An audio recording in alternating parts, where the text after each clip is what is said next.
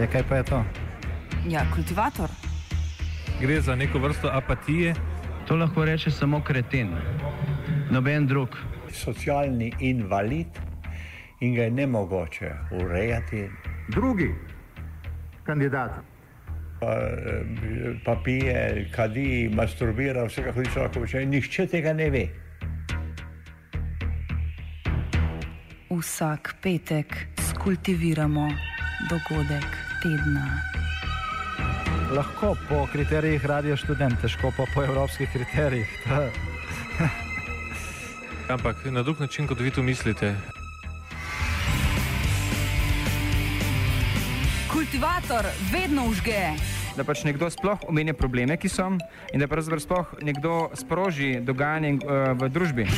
To drži, drži.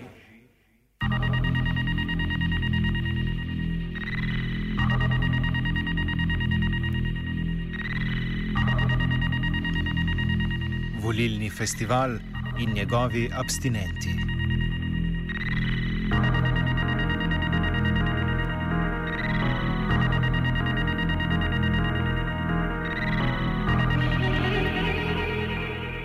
Podalpski volilni festival se nadaljuje. Volilne komisije si še niso dobro spočile prstov po preštevanju glasovnic.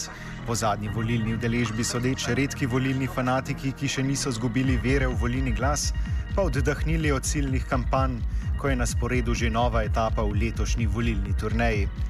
Če zanemarimo nedeljski, povsem spolitiziran referendum o strokovnem vprašanju arhivov, se bo demokracijo predvidoma obhajalo 13. julija na predčasnih državno-zborskih volitvah. Festival pa se bo zaključil z jesenskim zbiranjem lokalnih veljakov. Če si seveda politični akteri nekaj mesečnega volilnega mrtvila ne bodo drznili motiti s kakšnim referendumom.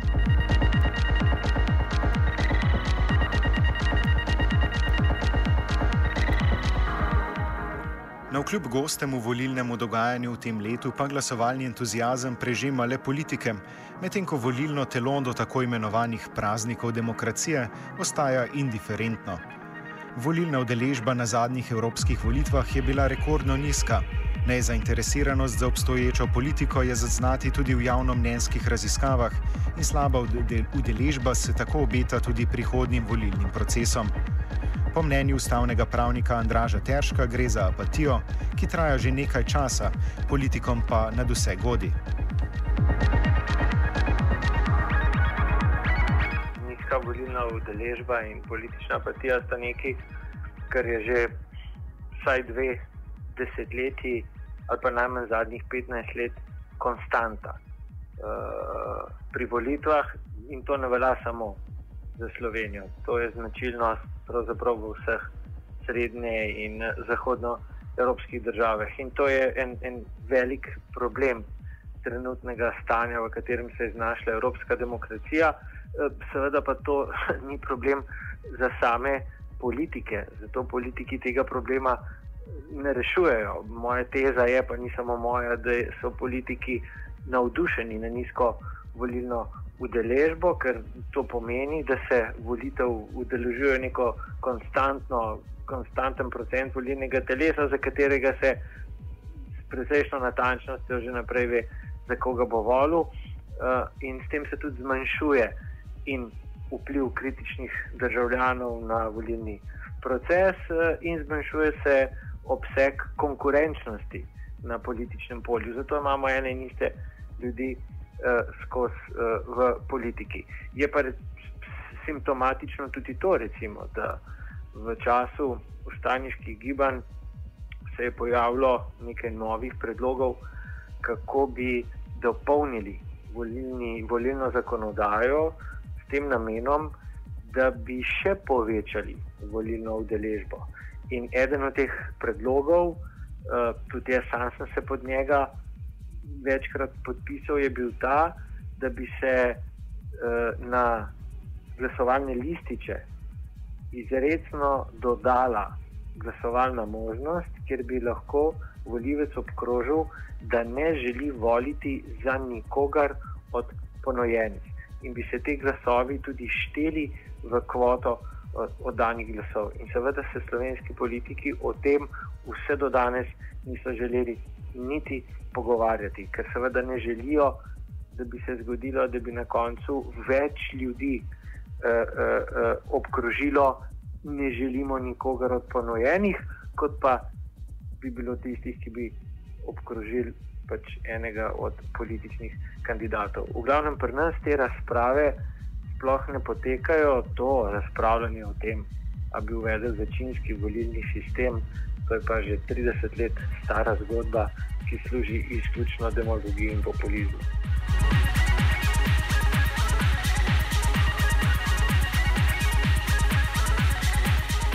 Teršek, kot smo slišali, vidi možnost udejanitve nezadovoljstva z obstoječo, obstoječo politično izbiro skozi možnost glasovanja za nikogar. Politolog Žiga Vodovnik pa vidi izraz nezadovoljstva že tudi v samem aktu volilne neodeležbe. Ne gre ravno za apatijo. Ne? Apatija pomeni neko rezignacijo in tako naprej. Uh, danes mislim, da v teh, uh, lahko rečemo, politični neodeležbi na volitvah ali pa skozi uh, klasične institucionalizirane kanale, uh, gre za neko izražanje nezadovoljstva, tudi za politično gesto. Um, sam delim mnenje s tistimi, ki pravijo, da smo priča trojni krizi predstavniške demokracije.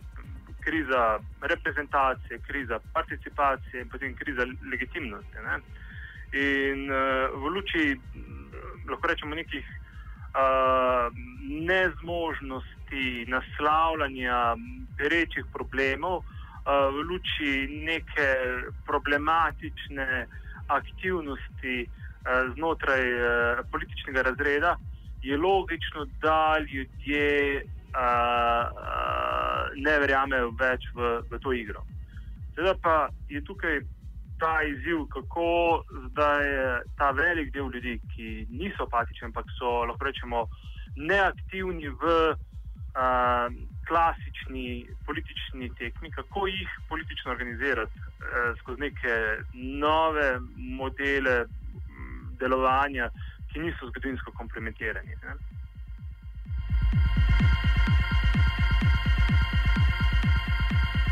Volilna udeležba je bila na zadnjih volitvah v Evropski parlament 24 odstotna.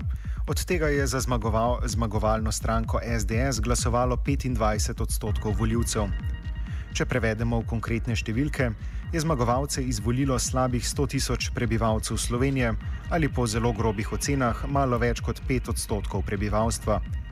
Čeprav v Sloveniji seveda nimamo večinskega volilnega sistema in bi si morala stranka Janeza Janše oblast ob ponovitvi podobnega rezultata na parlamentarnih volitvah oblast deliti, pa jasno kaže na vprašljivo legitimnost strani krepke manjšine izvoljene oblasti. Prav oduzem legitimnosti je po vodovnikovem mnenju ključen za razumevanje nezainteresiranosti voljivcev in hkrati ponuja možnost za razmislek o drugačnem izven parlamentarnem političnem delovanju. Ravno v tem je potem uh, problem in hkrati priložnost. Mar si kdo uh, misli, da je uh, potreben, kar je prav Rudi Dudke, dolg marš skozi institucije, da na takšen način lahko spreminjamo institucije in njihov način delovanja. Nekateri pa govorijo, da je ta način uh, utopičen, nezmožen, zato ker prevzem te forme, ne, uh, se pravi strankarskega delovanja in tako naprej, hitro vodi v posnemanje to vrstne neke politične imaginacije, ki, ki je potem zelo ločena od, od ljudi. Torej, povedano drugače, mislim, da, da, da je vse toliko kot mogoče neko resno delovanje skozi nove politične uh, inicijative, ki potem se odločijo za politično delovanje, smiselno premišljati tudi kritiko, ki gre skozi uh, ta, uh, ta, lahko rečemo, način odzema legitimnosti političnemu razredu. To pa je najbolj subverzivna gesta. Odzem legitimnosti, kar se je zgodilo v Mariboru leta 2011-2012, kar se je zgodilo, uh, lahko rečemo, tudi v, v, v nekih drugih uh, državah, kot je, kot je bilo v Turčiji, Egiptu, uh, ne zadnje okupacije, tako kot je park, uh, parka. Ne? Se pravi, odzem legitimnosti političnemu razredu. Um, Seveda so pa tu, kot sem dejal, mnenja zelo deljena. Nekateri govorijo, da, da, da s tem zgolj perpetuiramo status quo in omogočamo tej manjšini, da potem uh, se polašča z vodom moči. Uh, nekateri pa govorijo, da, da je seveda tudi ta način delovanja zelo pomemben. Uh, jaz sam se umeščam v to skupino, ker mislim, da, da ključne spremembe se ne dogajajo, če je na oblasti tista ali druga politična stranka, ampak uh, je to bolj odvisno od kondicije družbenih gibanj, ki, ki nudijo kritiko uh, statusa quo.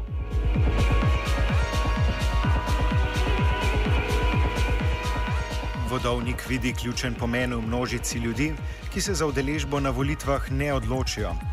Velik del leteh je po njegovem mnenju politično ozaveščenih državljanov, ki pa v preživetem modelu strankokracije ne vidijo več možnosti vplivanja na politiko, ki oblikuje njihova življenja.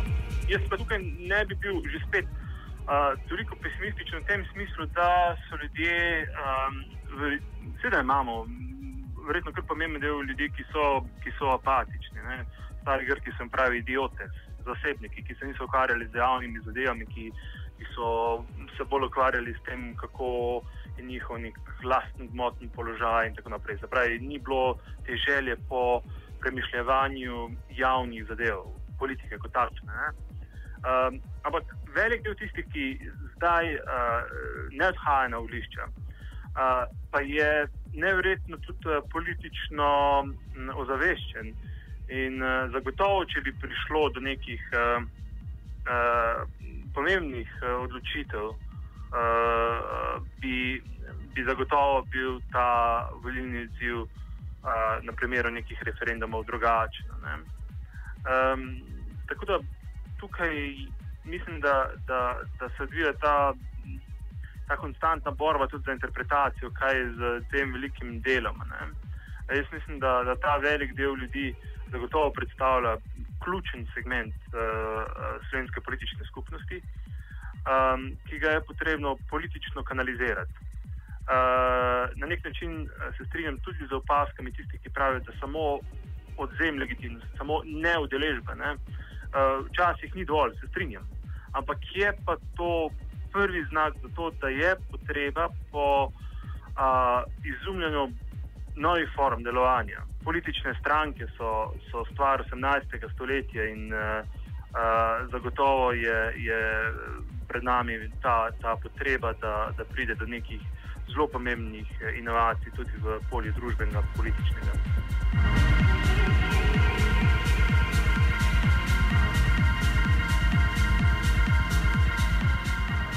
Neko vrsto alternative ustaljeni politiki se predstavljajo novo nastale stranke, ki pa pri svojem nastopu še vedno v veliki meri uporabljajo enake rešitve in načine delovanja. To izpostavi tudi Teršek, ki pravi, da ne prihaja do naslavljanja problemov, ki so jih voljivci sami prepoznali.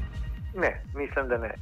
Ne prepoznam benih posebej svežih, novih idej, morda ta o demokratičnem socializmu, ampak tudi ta javno predstavljena nekoliko pretirano in ne more, ne more računati na veliko podporo uh, strani državljanov, predvsem res ni tega, ni konkretnih predlogov, predlogov konkretnih rešitev za konkretna vprašanja. Uh, teh vprašanj je kar nekaj, ampak lahko bi jih izlučili na pet, deset vprašanj, problemov, ki zadevajo, neposredno zadevajo življenje ljudi v tej državi in ki so rešljiva v nekaj urah, največ v nekaj dneh. In če bi jih rešili, bi v naslednjih treh do petih letih življenje v državi izgledalo bistveno eh, eh, drugače.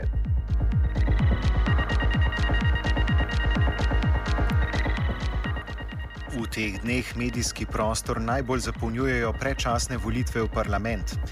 Po odhodu vlade Alenke Bratušek in neuspešnem iskanju mandatarja znotraj poslanskih vrst je postalo jasno, da v Sloveniji letos ne bomo izbirali edino le predsednika države. Parlament je bil razpuščen, predsednik Borut Pahor pa je v volilni euf euforiji razpisal datum predčasnih volitev za 13. julij.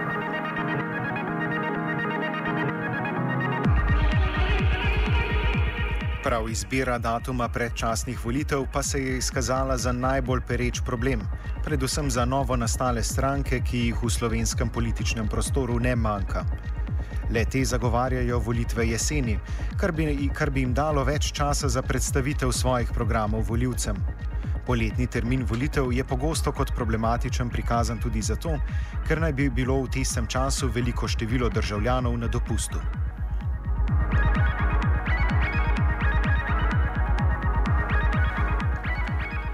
Stranka Solidarnost, posamezniki iz Združene levice in drugi nasprotniki julijskega datuma, zbranih okrog tednika Mladina, so na ustavno sodišče predali pobudo za presojo o ustavnosti volitev 13. julija.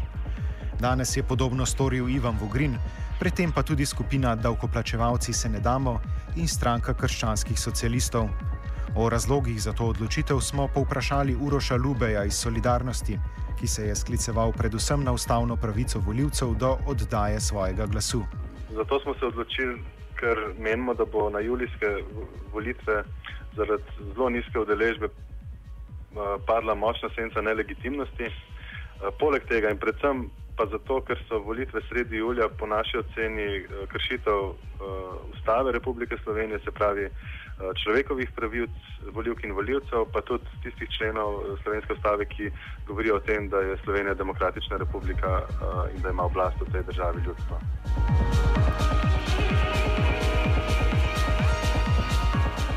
Na drugi strani pravni zastopnik pobudnikov za ustavno presojo, odvetnik Dino Bauk, prostodušno pove, da je v interesu novih strank odložitev volitev na jesen, tudi zaradi možnosti boljše priprave na nje. Tisti, ki zdaj niso v parlamentu, oziroma tiste nove stranke, ki so tudi nastale, tudi se ne sme pozabiti na valu nekega družbenega nezadovoljstva iz zime 2012 in pomladi 2013 ne bodo imele možnosti za pošteno volilno borbo. Zakaj ne bodo imele? Zato, ker se ta etablirana politika, se pravi zdajšnje parlamentarne stranke, brez kakršnega koli zunanjega razloga, sama od sebe odločila, da porine volitve v, v juliju.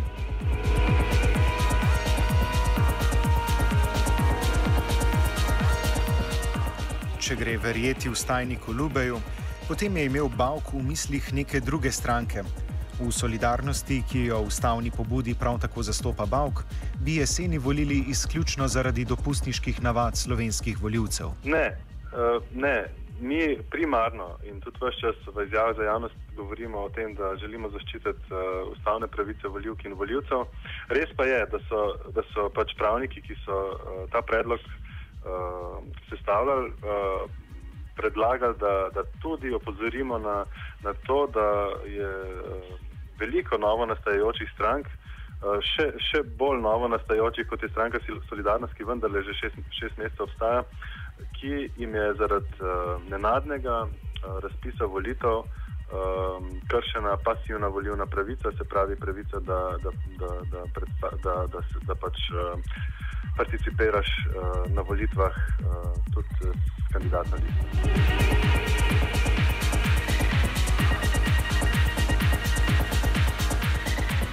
Dileme o julijskih, dopustniških ali jesenskih napravih so seveda del letošnjega volilnega festivala. A s tem, ko se izbira datuma vzpostavlja kot temeljni problem, se samo odvrača pozornost od resnejših dilem. Žiga vodovnik. To vrstnimi razpravami se že spet um, vrača centralno zgolj tega delovanja. Ne? In to je genialna poteza. Ne? Se pravi, da se uh, večja zgodba premišljanja naše politične skupnosti, iskanja nekega novega družbenega konsenza, ki seveda mora iti onkraj parih strank, ki mora seveda iti onkraj državnega zbora, konča s tem, da se ljudem dnevno prodaja samo ta dilema, kdaj bomo lahko volili te uh, politične stranke, ki so tam. In to je, se, mi zdi, uh, največji trik in tudi največja nevarnost.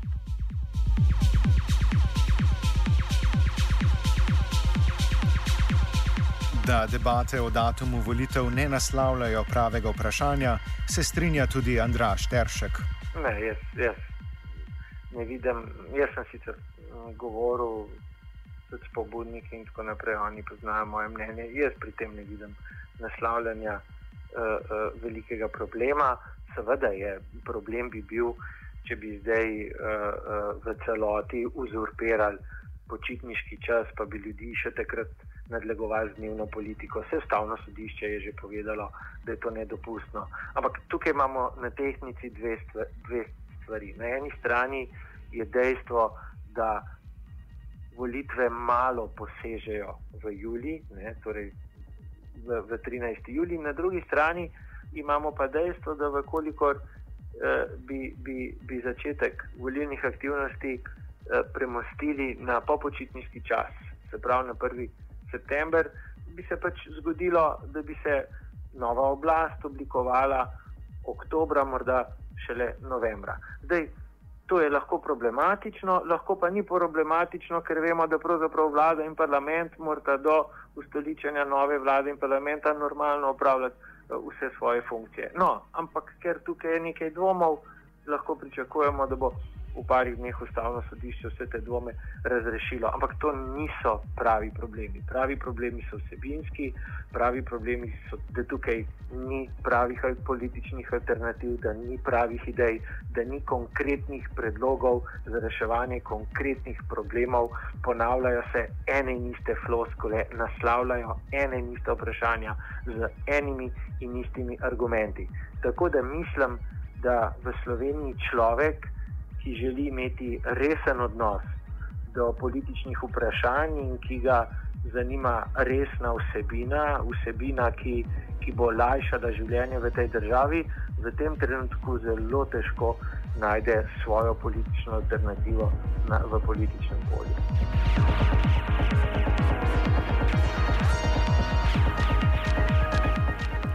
Aktualno, tako arhivarsko kot datumsko vrenje, je samo eden vrhuncev celoletnega volilnega festivala. Festivala praznikov demokracije, kot volitve imenujejo njeni glavni protagonisti in ki jo razumejo kot enkratni, na vsaka štiri leta omejeni dogodek.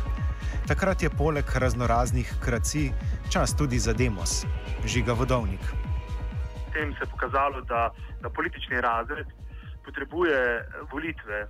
Eh, zgolj kot nek uh, instrumentalni akt za to, da dobijo neko legitimnost. Uh, še več, jaz se strinjam s tistimi, uh, ki opozarjajo, da je predstavniška demokracija cepljena z neoliberalizmom, uh, utemeljena na strahu pred množicami. Uh, francoski uh, oziroma kanadski politolog Francis de Pederi govori o politični agorofobiji, pravi st političnem strahu pred množicami. In to zgolj neka enostavna, hitra analiza pokaže, ne, da je mainstream politični razred in tudi ne na zadnje mainstream uh, ta, lahko rečemo, intelektualni podpor, uh, eh, ki je mislil demokracijo v zadnjih petih desetletjih, šel ravno v to smer, da so razumeli uh, ljudi kot uh, neko nevarnost, kot nekaj, kar, uh, kar je motnjo sistema. Ne. Samuel Huntington je v času, ko je bil predstojnik politološkega oddelka na Harvardu, uh, govoril, da je bil problem R68 presežek demokracije. Da moramo zato, da bo lahko tako imenovana demokracija, pod narekovaji, seveda, ne, normalno funkcionirala, doseči nove načine neutralizacije množic. To pove več kot dovolj.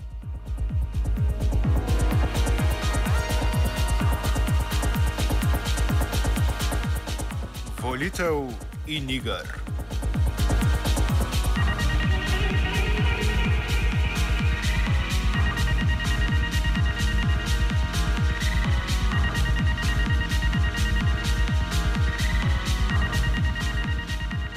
Mimo volišč sta se po volilnem festivalu tokrat plazila Zala Turšič in Nejc Marcen.